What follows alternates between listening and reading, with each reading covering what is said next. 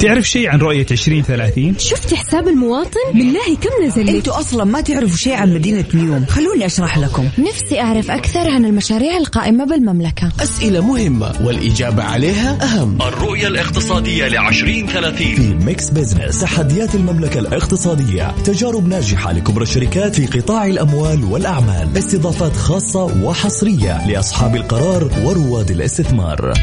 الآن Mix Business مع جمال بنون ومازن كرامي على Mix FM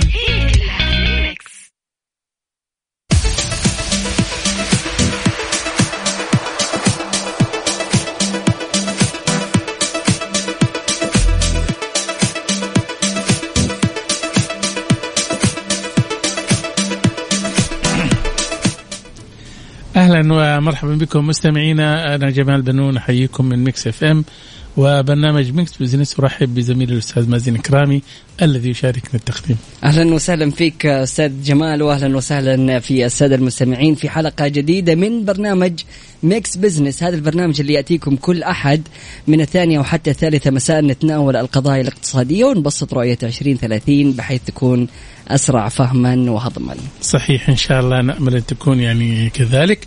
آه مازن آه في خبر مهم الحقيقة آه قرأته إنه في لجنة وزارية تشكلت آه، ضمن إطار تعديل آه، نظام الاستثمار الأجنبي داخل السعودية ومهمة هذه اللجنة فحص طلبات الاستثمار الأجنبي وتقييمها والبت فيها بناء على معايير تتعلق بالأمن أو النظام العام.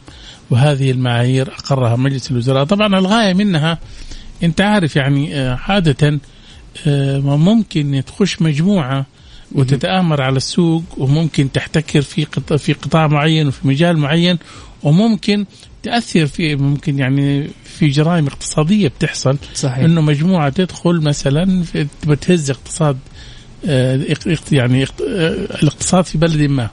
فبالتالي ممكن تتشكل يعني عصابة أو شيء زي كده وهذه يعني ربما تأثر في المستقبل صحيح. أنا أشوف أنه اللجنة هذه جدا نعم. فعلا. وإنه يعني طلبات الاستثمار الأجنبي أعتقد إنه في الفترة الأخيرة يعني زادت بشكل كبير مما تحتم إنه يكون في لجنة تتابع هذه الطلبات وتبحث يعني لأفضل السبل الممكنة إنه هم يبحثوا عن مستثمرين مثلا يعني يستفيدوا منهم بشكل أكبر. فأعتقد إنه اللجنة راح يكون دورها كبير جدا ومفيد اقتصاديا بشكل كبير. ولا تنسى كمان مازن أنت يعني آه، اليوم ال- الاستقرار السياسي والاقتصادي والاجتماعي والأمني مهم جدا لأي استثمار. صحيح.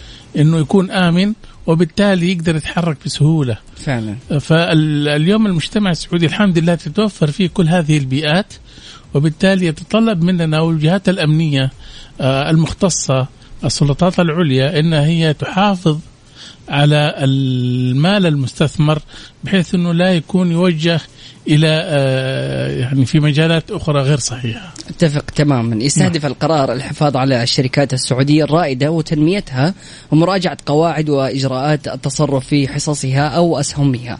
واللجنة الوزارية الدائمة التي ستكون باسم اللجنة الوزارية الدائمة آه، لفحص الاستثمارات الأجنبية وتقوم اللجنة بتحديد القطاعات الحساسة والاستراتيجية التي تؤثر في الأمن أو النظام العام وتأثيرها أو تأثيرها مباشرا أو غير مباشر وتحديثها باستمرار. صحيح. وكمان آه، علاوة على تحديد الحد الأعلى لنسب تملك المستثمرين الأجانب المباشرة وغير المباشرة في حصص أو أسهم الشركات السعودية العاملة في القطاعات الحساسة والاستراتيجية.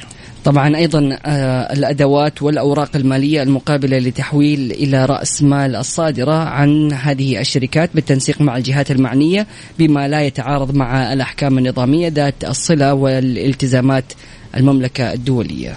وبالتالي كمان تتضمن آه، آه، طبعا اللائحة وضع الضوابط والشروط والإجراءات اللازمة اللازمة طبعا للبت في طلبات تملك المستثمرين الأجانب لحصص أو أسهم الشركات السعودية العاملة في القطاعات الحساسة والاستراتيجية. بالتأكيد يعني هذه آه، خطوة جدا مهمة من مجلس الوزراء. فعلا. أكيد مستمعينا الكرام متواصلين في برنامج Mix Business لا تروحوا البعيد و stay tuned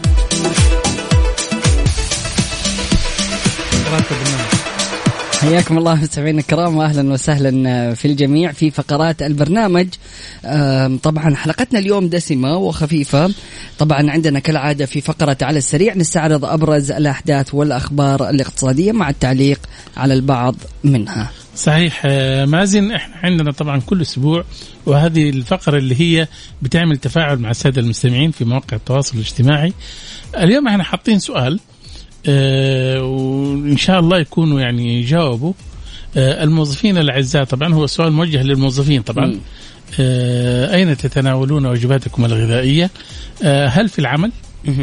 أو مع الأصدقاء؟ أو في المنزل؟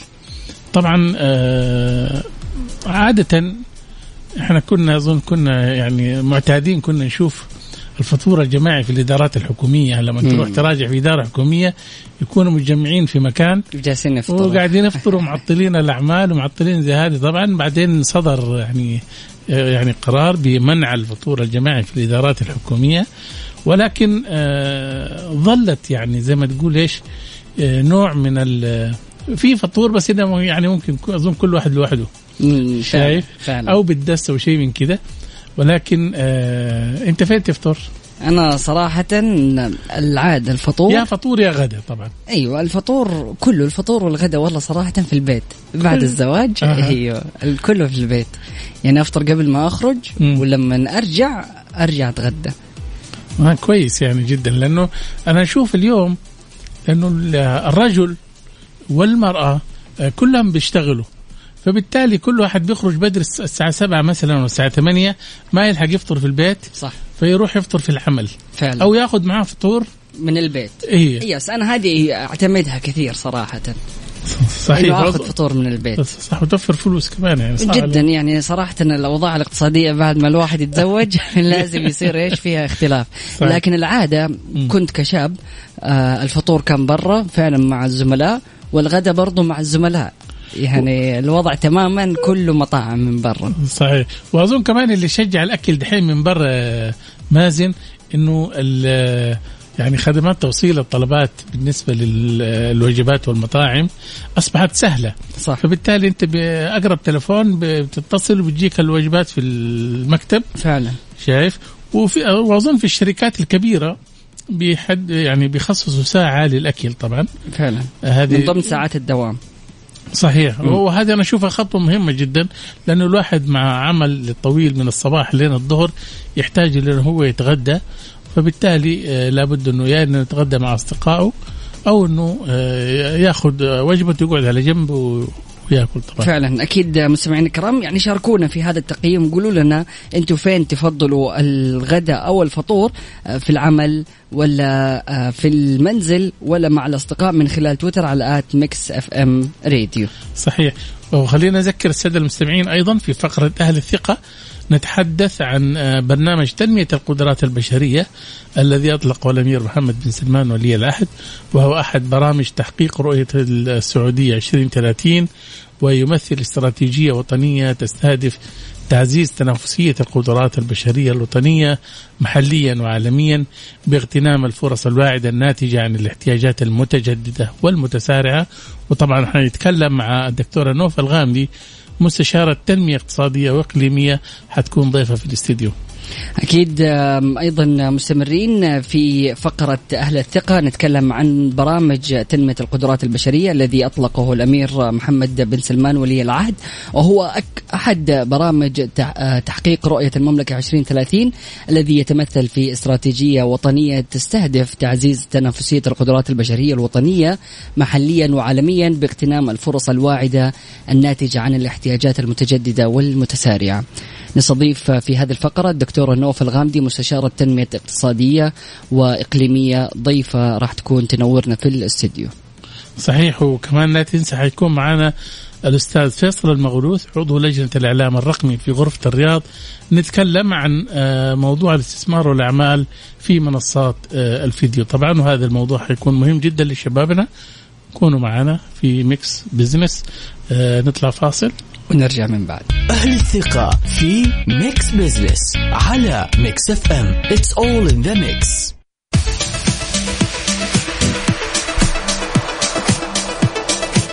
عدنا لكم من جديد مستمعينا في Mix Business معي زميلي مازن كرامي أهلا مازن. أهلا وسهلا فيك أستاذ جمال. وفي فقرة أهل الثقة نتحدث عن برنامج تنمية القدرات البشرية الذي أطلقه الأمير محمد بن سلمان ولي العهد.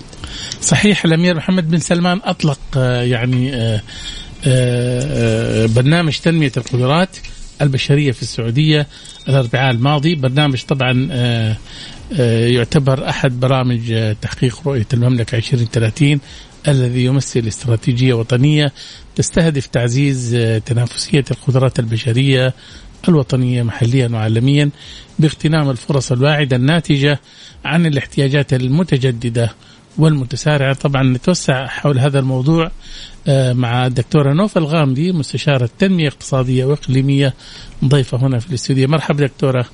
نوف في Mix Business مساء الخيرات. أهلا وسهلا فيك دكتورة. أيوه كذا ممتاز. okay. الله يديك ألف عافية. دكتورة في البداية نتكلم عن قراءاتك لإطلاق برنامج تنمية القدرات. يعني الحقيقة البرنامج يعد من أهم البرامج الآن اللي تعتبر محور لرؤية المملكة 2030 وبرامجها المختلفة. آه لأنه اليوم إحنا بنتكلم الدول عموما اللي تعد اليوم من الدول الغنية والدول القيادية على مستوى العالم واللي بس المايك لو تاخديه تحت معلش سامحينا. يا سلام عليك. طيب ممتاز. okay. قطعناك من الحوار. تفضل. اللي بتقود طبعا القرن العشرين عموما آه كانت مثل سنغافورة أو فنلندا أو حتى كوريا الجنوبية أو تايوان. يعني هذه كانت كلها بتتعامل مع الإنسان كأحد أهم المحاور المهمة في التنمية. ممتاز. والحقيقة يمكن البرنامج الآن جاء مكمل لكثير من هذه البرامج اللي أطلقتها رؤية المملكة. لأنه إحنا بنتكلم اليوم إذا ما كان عندنا فعلا الشخصيات ولا خلينا نقول الموهوبين ولا الشباب أو حتى القادة قادة المستقبل اللي سيقودوا بالفعل هذه البرامج وحيحققوا فعلا نتائج مهمة ليها ويكونوا جزء من هذه المنظومة. فإحنا ما سوينا شيء يعني أكيد إحنا بنتكلم كده عن جزء مبتور وهو الإنسان الأهم شخصية ممكن آه تقود هذه البرامج.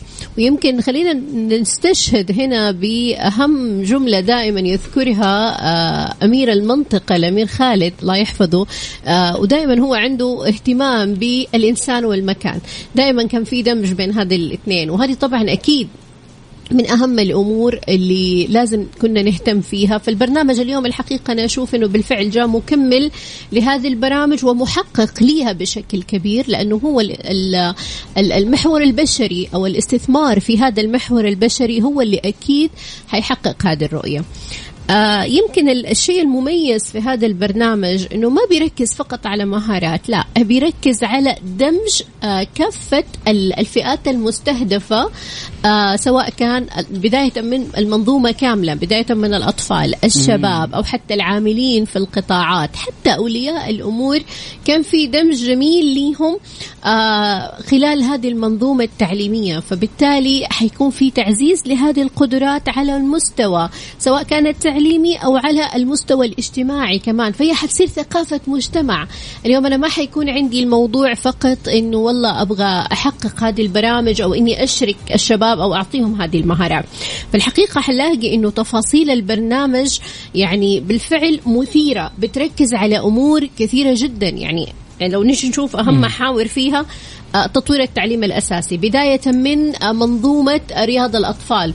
منظومة رياض الأطفال لو نجي نشوف الدراسات بنلاقي أنه فقط على المملكة أقل دولة كانت بتتعامل في الإنفاق على آه، مرحلة ما قبل التعليم الأساسي اللي هي مرحلة رياض الأطفال واللي هي تقريبا point ثلاثة. واللي طبعا بن بن بنشوف إنه في الدول الأخرى وصل إلى point 8 يعني ثلاثة أضعاف المملكة العربية مم. السعودية. فالرقم حقيقه بالفعل آه، مؤثر وله تأثير كبير لأنه هذه المرحلة هي الأساسية. ومع الأسف عندنا ما زال الإقبال هنا المجتمعي على هذه المرحلة ضعيف جدا. بيعتقدوا إنه لا والله أنا أسيب الطفل يلعب وياخذ راحته إلين ما يوصل المرحلة حقة التعليم الأساسي ست سنوات وأدخله المدرسة. فبالتالي فبالتالي أنا ضيعت فترة كده ممكن يكون في عنده مخزون مهاري مهم جدا وحياتي كمان خلال هذه المرحلة. فهذه يمكن كانت من أهم الأشياء اللي موجودة. نيجي ال- الشيء الثاني اللي هي الإعداد لسوق العمل المستقبلية. طبعا هذه الأمور كانت كلها بتتم أو لو نشوف البرنامج حتلاقي إنها تقريبا أكثر من 89 مبادرة بتحقق عندنا 16 هدف استراتيجي مهم آه، خلال هذه ال- المبادرات ككل. فبالتالي الإعداد لسوق العمل المستقبلية من المراحل المهمة جدا لأنه اليوم إحنا عندنا ما بنتطلع إلى السوق التقليدية لأنه إحنا قعدنا فترة طويلة بنعاني من الفجوة بين متطلبات سوق العمل ومخرجات التعليم وهذه صحيح. كانت مشكلة كبيرة وبتخلينا دائما كنا منخفضين في أرقام التنافسية. فبالتالي اليوم إحنا تركيزنا على مهن ووظائف المستقبل واللي حتعزز أكيد كمان من التخصصات اللي بتستهدفها المملكة. اليوم إحنا في عندنا مدن استراتيجية في عندنا مدن آه، المستقبل اللي كلها آه، تركيزها على آه، هذه الاستراتيجيات واستراتيجيتها كمان مختلفة. يعني بتتطلع إلى جيل من الشباب بمهارات مختلفة مهارات مستقبل في عنده مهارات قيادية في عنده مهارات مختلفة out of the box. إحنا ما بنتعامل مع المهارات التقليدية. فبالتالي التركيز على وجود هذه المهارات كمان أمر مهم. ممتاز. يعني أفهم من كلامك دكتورة إنه الآن راح يصير دمج ما بين آه، آه، برنامج آه، ما بين وزارة الموارد البشرية ووزارة التعليم من خلال هذا البرنامج عشان يكون متكامل. لأنه إحنا تكلمنا عن التعليم من الطفولة والتعليم الجامعي ونفس الوقت سوق العمل وإيش احتياجاته. آه، مو بس يعني حيكون في دمج بين وزارة الموارد البشرية حيكون في دمج مع وزارة التعليم حيكون في دمج عموما بين القطاعات المختلفة حتى لسوق العمل بالكامل. يعني أنا ممتاز. اليوم ما بركز فقط على الوزارات لا حيكون في دمج حتى كثقافة.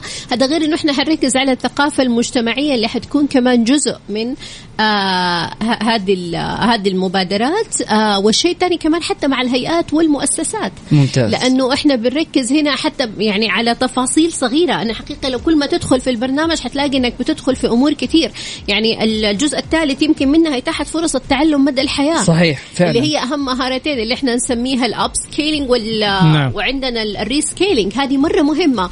وإنه كيف ممكن فعلا آه، يكون في تحقيق لأرقام مختلفة. اليوم إحنا بنتكلم عن بطالة. طول الوقت نقول عندنا مشكلة بطالة. طب إيش أسباب مشكلة البطالة؟ اليوم أنا ما حجي أتعامل مع ال- ال- ال- ال- المنتج السعودي إنه كأنه عائق أو مشكلة للقطاع الخاص لأنه ما عنده مثلا المهارة. فاليوم هذا البرنامج حيعالج هذه المشكلة إنه أول شيء حيقلل من أعداد ال- العاطلين أو ال- البطالة كمان آه، من خلال توظيفهم بالشكل الصحيح داخل سوق العمل. ال- الطلاب اللي يبتعثوا والرجوع كمان إنهم يتوظفوا مثلا في الشركات المختلطة الجنسيات. اليوم إحنا عندنا الثقافة اختلفت. المملكة اليوم ما بتتكلم عن آه، ثقافة محلية ولا شركات آه، تقليدية. اليوم إحنا بنتكلم عن ال- الاقتصاد الرقمي. اليوم بنتكلم عن شركات بشكل مختلف مختلطة. فبالتالي كمان هذه مهمة خصوصا مع استقطاب الاستثمار الأجنبي. اليوم أنا كيف ممكن أخلي السعودي بالفعل منافس عالميا. مو شرط أنه يروح يشتغل برا في شركات مختلطة الجنسيات أو في دول أخرى لا. هو حيشتغل هنا على أرض المملكة ويكون شريك في هذه الاستثمارات وتواجده يكون بشكل مهم وفاعل. آه وبالتالي إحنا كده بن بنحقق توطين المعرفة بشكل آه أكثر فعالية وبالفعل بنوطنها بشكل سريع إنه بيكون نعم. في الانتقال آه للتوطين المحلي وتيرته كمان نعم. حتكون أسرع وأظن كمان يا دكتورة هو تأهيل لوظائف المستقبل اللي حتظهر مع يعني خلال العقدين القادمين وأيضا مع اختفاء آه، كثير من المهن الحالية. صحيح. وبالتالي آه، اليوم المبادرة هذه يعني تحتاج مننا إن إحنا آه، يعني نكون بنخلق فرص عمل للمستقبل. ومو بس كده اليوم إحنا بنخلق عمل لفرص المستقبل وظائف المستقبل اللي بتشبه اليوم التطلعات الفعلية لاستراتيجية رؤية المملكة واللي كمان بتتواكب مع الوتيرة العالمية. لكن كمان في شيء مهم أنا اليوم بخلق جيل منافس من خلال وجود القيم him. يعني اليوم عندنا قيم المصداقية أو سواء كانت الأمانة أو الاستقامة أو التطوير الذاتي. ال- ال- أهم القيم المهمة كمان التسامح ال- الأمور هذه الصغيرة اللي اللي بالفعل بتخلق فارق كبير في شخصية ال ال الشباب أو حتى الأطفال وبتنميها كده فيهم من صغرهم. يعني تلاقي الطفل من من وهو طفل بيتعامل مع هذه المهارات مثلا الاقتصاد الرقمي أو المهارات الرقمية أو حتى المهارات الأساسية. يعني إحنا لو نيجي نشوف البرنامج حنلاقي بالفعل إنه ركز على تفاصيل جدا جميلة حتى رضا الطلاب. تكافؤ الفرص في الحصول على العملية التعليمية. آه، مرحلة الإتقان الانضباط أنه كيف ممكن يتحولوا إلى الع- العزيمة والمثابرة كمان أنهم يكونوا آه، من الموهوبين أو يلتحقوا كمان بالجامعات العالمية. إحنا اليوم كم عدد اللي لو نيجي نشوف مثلا العدد الملتحقين آه، فقط بأفضل 200 جامعة عالمية كان في 2019 4000 آه، ف- فاصلة آه، 69 والمستهدف اليوم اللي إحنا بنتطلع ليه ل 2025 من خلال تطبيق هذه البرامج ل 10000 مبدئيا. فهذه أرقام ما هي سهل تحقيقها إنه كيف ممكن كمان نواكب المؤشرات العالمية من خلال التعليم. كيف نرفع مؤشراتنا في الجامعات؟ اليوم إحنا عندنا في الجامعات العالمية ضمن المؤشر ثلاث جامعات. طب إحنا المستهدف اليوم نوصل لستة.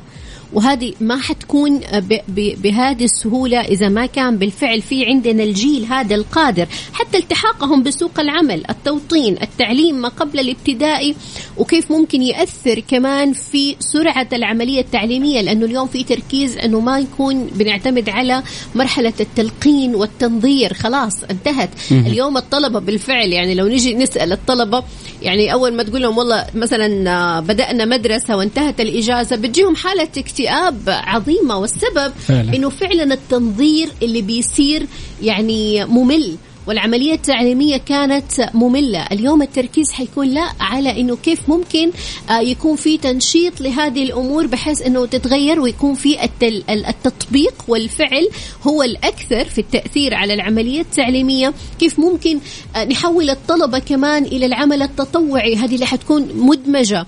اليوم في عندنا قطاعات مهمة زي التقنية أو الوظائف الاقتصادية الجديدة. هذه كمان مهم أنه إحنا نرفع نسبة جميل. الملتحقين فيها وأيضا الفنون زي مسرحة مسرحة التعليم. اليوم عندنا مثلا المسرح في التعليم أصبح من الأمور المهمة ضمن وزارة الثقافة. صحيح. كيف أخلق هذا الجيل؟ آه أكيد البرنامج طبعا حي حيركز على هذه ممتاز. الأمور. أكيد مستمرين للحديث أكثر عن برنامج تنمية القدرات البشرية. وممكن إذا تكلمينا دكتور عن تحديدا التعلم مدى الحياة لكن بعد الفاصل. ميكس اف ام اتس اول ان ذا ميكس ميكس بزنس مع جمال بنون ومازن كرامي على Mix FM هي كلها في ال mix.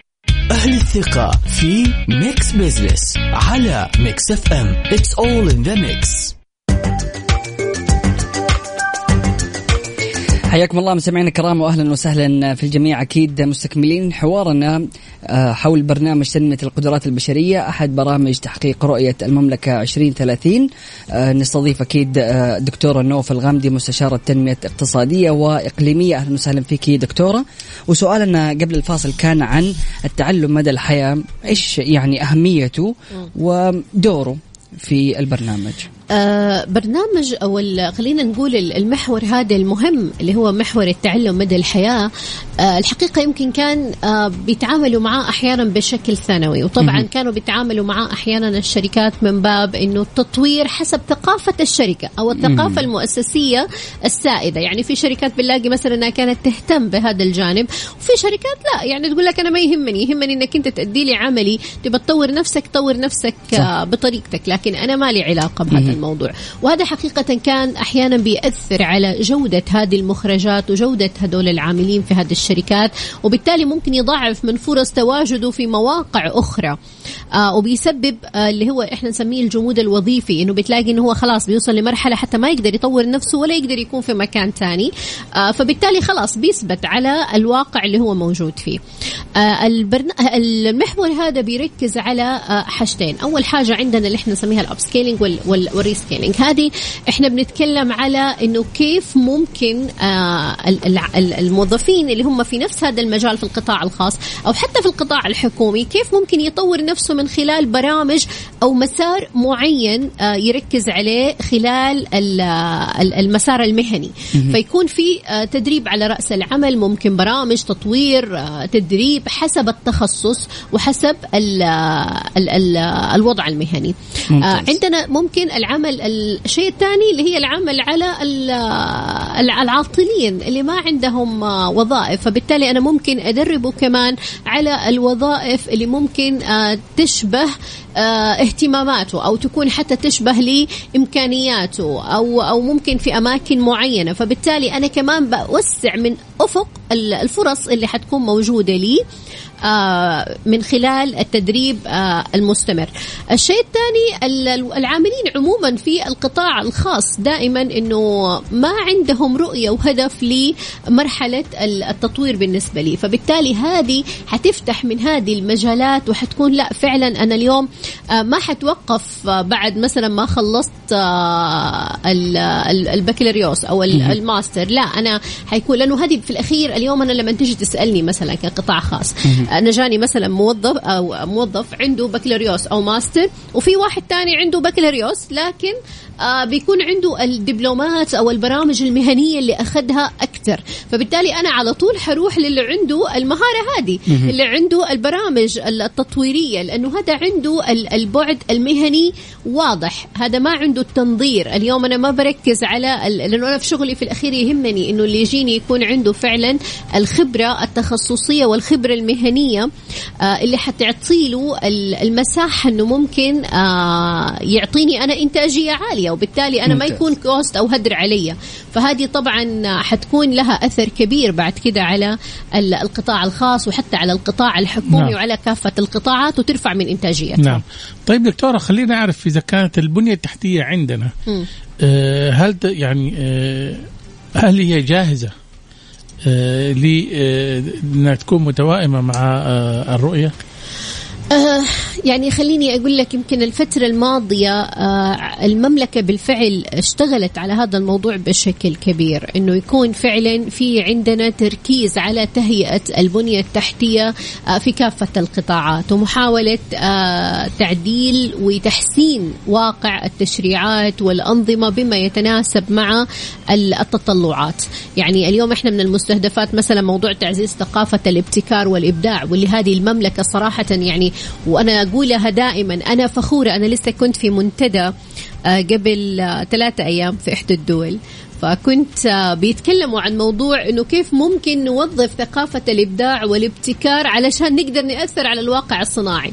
ما تتخيلوا أنا بسمع الكلام وأنا قد إيش سعيدة لأنه إحنا اليوم إحنا تعد وهم محتارين كيف ممكن يطلبوا من أي جهة آه تدعم فقط إنه الدراسات اللي ممكن تأثر. وما في هذه الثقافة ولا موجودة، إحنا عندنا هيئات، إحنا اليوم أصبحت الدولة بتهتم بموضوع تعزيز ثقافة الإبداع والابتكار آه في كل المجالات، فبالتالي يعني هذا شيء حقيقي إحنا نفخر فيه. وخلال هذه الفترات من الإصلاح الاقتصادي والاجتماعي اللي اشتغلت عليها المملكة بشكل واضح، لما نجي نشوف إنه هل نعم. فعلا في البنية لا حنلاقيها موجودة وبشكل كبير، لكن ما زالت الآن من خلال هذا البرنامج أكيد طبعا حيكون في تحسين وتطوير ليها بشكل أكبر من خلال تنفيذ المعايير اللي طرحت. يعني اليوم الأرقام حتتكلم حنشوف الأعداد التأثيرات لهذا البرنامج آه كيف حتكون خصوصا إنه البرنامج طبعا بيرأس ولي العهد والحقيقة هو دائما بيراهن على كل شيء آه يضع بصمته عليه إنه أكيد حياخذنا لمنطقة أفضل آه بشكل كبير صحيح. وبيراهن على الإنسان صحيح. من خلاله إنه يكون منافس عالميا بالتأكيد تطوير المهارات وإعادة التأهيل أهم خطوات بناء القدرات البشرية طبعا هناك بارقة أمل تضيء المستقبل. انتهى وقتنا دكتور نوف شكرا لمشاركتك معنا. شكرا لكم. شكرا يا مازن. شكرا أستاذ جمال. مستمعينا طبعا كانت معنا دكتورة نوف الغامدي مستشارة تنمية اقتصادية وإقليمية. استراحة لالتقاط الأنفاس ونعود لكم. Spotlight في Mix Business على Mix FM it's all in the mix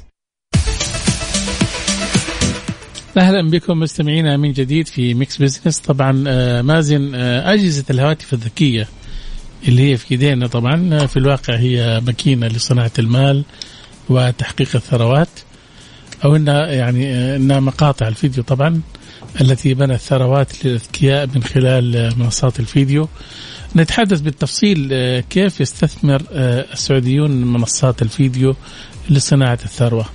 للحديث أكثر حول هذا الموضوع. نتحدث مع الأستاذ فيصل المغلوث عضو لجنة الإعلام الرقمي في غرفة الرياض.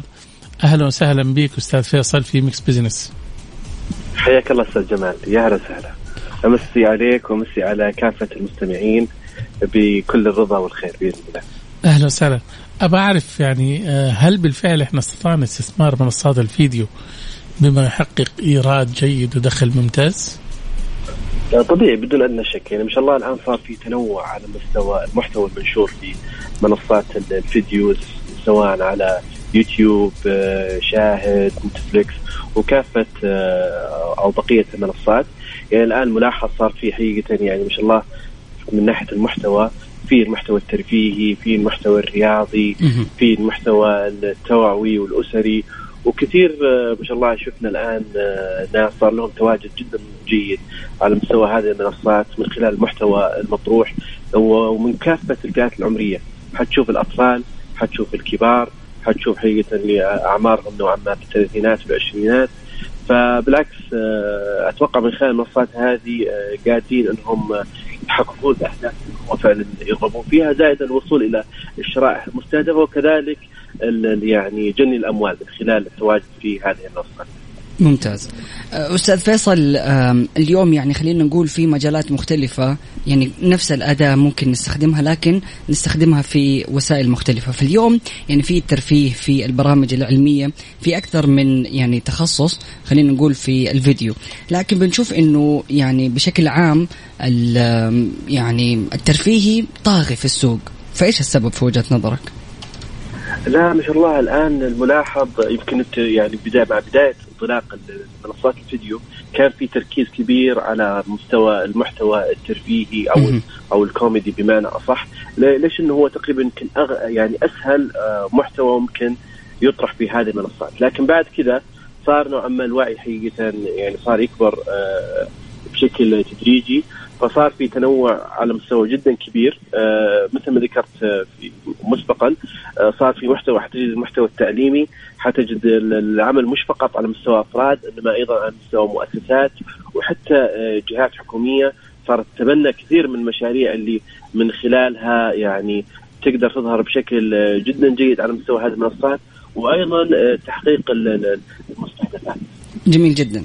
يعني خلينا آه، نعرف الآن آه، حجم الاستثمار المتوقع في منصات الفيديو من قبل آه، يعني رواد الأعمال أو المستثمرين. يعني الآن لو جينا على مستوى مثلا يعني على مستوى الدولة، الدولة الآن تتبنى حقيقة المنصات الرقمية لأن هي حقيقة مؤمنة بشكل جدا كبير في إنه كثير من أهداف الرؤية قادرين يحققونها من خلال تواجدهم في هذه المنصات. يعني مثلا من من من ضمن الرؤية فيه توقع إن شاء الله على 2030 آه، تصل عدد يعني قيمة الصادرات السعودية المتوقعه من المحتوى الرقمي تجاوز ال 20 آه، مليار. يعني آه، قبل تقريبا فترة بسيطة حصل هيئة الأفلام تبع وزارة الثقافة وقعت مع المعهد البريطاني لصناعة الأفلام أنهم يطلعون ببرنامج اسمه صناعة الأفلام. لتحفيز لأنه كثير عندنا حقيقة مبدعين على مستوى السعودية. ممتاز. وكيف إنه إحنا آه، قادرين يعني نصقل هذه المواهب وبعد كذا طبعا يطرحون المحتوى الخاص فيهم على المنصات الرقمية زي مثلا شاهد زي نتفلكس وبالتالي يحققون آه، أرباح من آه، خلالها. أيضا في إطلاق برنامج مسرعات الألعاب الإلكترونية. قبل فترة قصيرة يمكن حصل كثير من الناس اطلع على تجربة Launch KSA اللي تبنتها وزارة الاتصالات وتقنيه المعلومات. كانت في أكثر من مبادرة آه، إلكترونية آه، بحيث يكون المحتوى هذا الرقمي أو الالكتروني يتوا يعني يظهر بشكل جدا كبير على مستوى المنصات الفيديو وخلافة. وهذه كلها حقيقة تحركات تبين مدى اهتمام الدولة تجاه مثل هالنوع من آه، المحتوى. ممتاز، أستاذ فيصل يعني سؤال كذا مهم، اليوم الإعلام الرقمي داخل بشكل كبير. في السوق. فهل راح يكون آه، في تأثير مباشر على الإعلام التقليدي مستقبلا في وجهة نظرك؟ آه، أنا والله حسب وجهة نظري الإعلام التقليدي والإعلام الرقمي هم في النهاية مكملين لبعض، ما في أحد ياخذ مكان الآخر، الإعلام التقليدي له له عراقته، له أصالته، له قيمته، لكن يمكن الآن صار الاهتمام بشكل نوعا ما أكبر بالإعلام الرقمي بحكم إنه هو نوعا ما يعني متدا يعني في متناول اليد بشكل نوعا ما شوي أكبر، لكن كون والله آه، شيء ياخذ مكان الآخر لا ما أعتقد إنه هذا الشيء صح. كلهم مكملين لبعض. نعم صحيح. ولكن آه، هل تعتقد أستاذ فيصل إنه منصات الفيديو في السعودية هي مستغلة الآن استغلال جيد أو إنها لا زال الجانب الترفيهي هو الغالب؟ لا يعني مثل ما ذكرت إنه بالعكس الآن المنصات قاعدة يعني تستثمر بشكل جدا ممتاز. صار في نوعا ما تنوع على مستوى المجالات الاستثمار في الفيديو في البودكاست الصوت عبر الإذاعات الرقمية آه، كما يطلق عليها. آه، أيضا على مستوى الألعاب الإلكترونية في على مستوى الإعلانات الرقمية يمكن أول كانت الإعلانات اللي نشوفها في التلفزيون كذا كانت هي دارجة. لكن الآن لا صار فيه إعلانات رقمية تظهر بشكل نوعا ما متكرر على مستوى كافة المنصات سواء منصة يوتيوب شاهد أيضا آه، وغيره. أيضا عبر النشر الرقمي من خلال يعني آه، الصحف الإلكترونية آه، وما شاء الله النماذج في هذا المجال كثيرة حقيقة. بالتالي بالعكس الآن يعني المجال الترفيهي لعله صار زحمه أصلا كثير أشياء أو كثير آه، محتوى. جميل، أستاذ فيصل يعني أنت من منطلق المستثمرين وصناعة المحتوى إنه لا في تنافس، لكن من قبل مستقبلين المحتوى أو الجمهور فبنشوف إنه يعني في آه، توجه كبير أو خلينا نشوف إنه إيش أكثر شيء في منصات الفيديو بيتفرجوا عليه المشاهدين في السعودية، بنلاحظ إنه الفلوج هو رقم واحد، آه، اليوميات رقم اثنين، الطبخ والكوميديا. يعني هذه كلها تعتبر في الأخير ترفيهية. هذه اللي بيستهلكوا المتلقي. فإيش السبب اللي يكون هذا يعني عامل رئيسي؟ بالرغم إنه زي ما ذكرت حضرتك إنه في يعني تنافس في المجالات المختلفة. آه لا لا يعني لا يعني لا يخفى عليك إنه ما شاء الله شريحة الأطفال وشريحة أيضا آه، النساء يعني ما شاء الله شريحة مش آه، بسيطة. تمام؟ ومهتمين بشكل جدا كبير على مستوى يعني المنصات الرقمية بشكل عام. فبالتالي يكون يعني اهتمامهم تجاه مثل هالنوع من المحتوى نوعا ما قد يكون أكبر. لكن أيضا لا نغفل أنه في الجانب التعليمي في منصات تعليمية عندنا جدا جدا ما شاء الله متعددة وكبيرة وتخدم حقيقة شرائح جدا يعني مش بسيطة خصوصا في في ظل أزمة كوفيد 19 آه، تفعلت بشكل نوعا ما أكبر زي مثلا منصة ميم التعليمية. صحيح. تقدم دورات للصف الأول والثاني والثالث لأن يمكن شوية عدم حضور الأطفال للمدارس وكذا. قد نوعا ما شوي وضع يعني شيء من التحديات أو الصعوبات على مستوى التعليم وخلافه. فحصل إنه وجدت منصات تعليمية وهي غالبا تقدم خدمة الفيديو بحيث إنها تشرح للطلاب سواء مختلف أعمارهم سواء كان زي ما ذكرت مثلا المراحل الإعدادية وكذلك مراحل ابتدائيه وأيضا دورات علم النفس التربوي ودورات علم التشكيل وخلافة وأيضا في منصة سهل التعليمية وفي منصة الروضة الافتراضية وأطلقتها وزارة التربية يعني وزارة التعليم عندنا وأيضا في أكثر من سلسلة زي سلسلة بالبيت التعليمية وتقدم دورات لكيفية تجاوز مثلا امتحانات القياس وكذلك امتحانات القدرات. فبالتالي هذا يبين لك حقيقة إنه فيه إن شاء الله تعدد آه، من ناحية المحتوى. ولا يعني ولا نكتفي فقط بجانب الترفيه إنما أيضا في جانب آه، التعليم. ممتاز جدا. شكرا لك أستاذ فيصل. منصات الفيديو أحد قنوات الاستثمار الغائبة عن رواد الأعمال وشركات الإنتاج. ربما نحتاج إلى مشجعين ومحفزين لهؤلاء الشباب.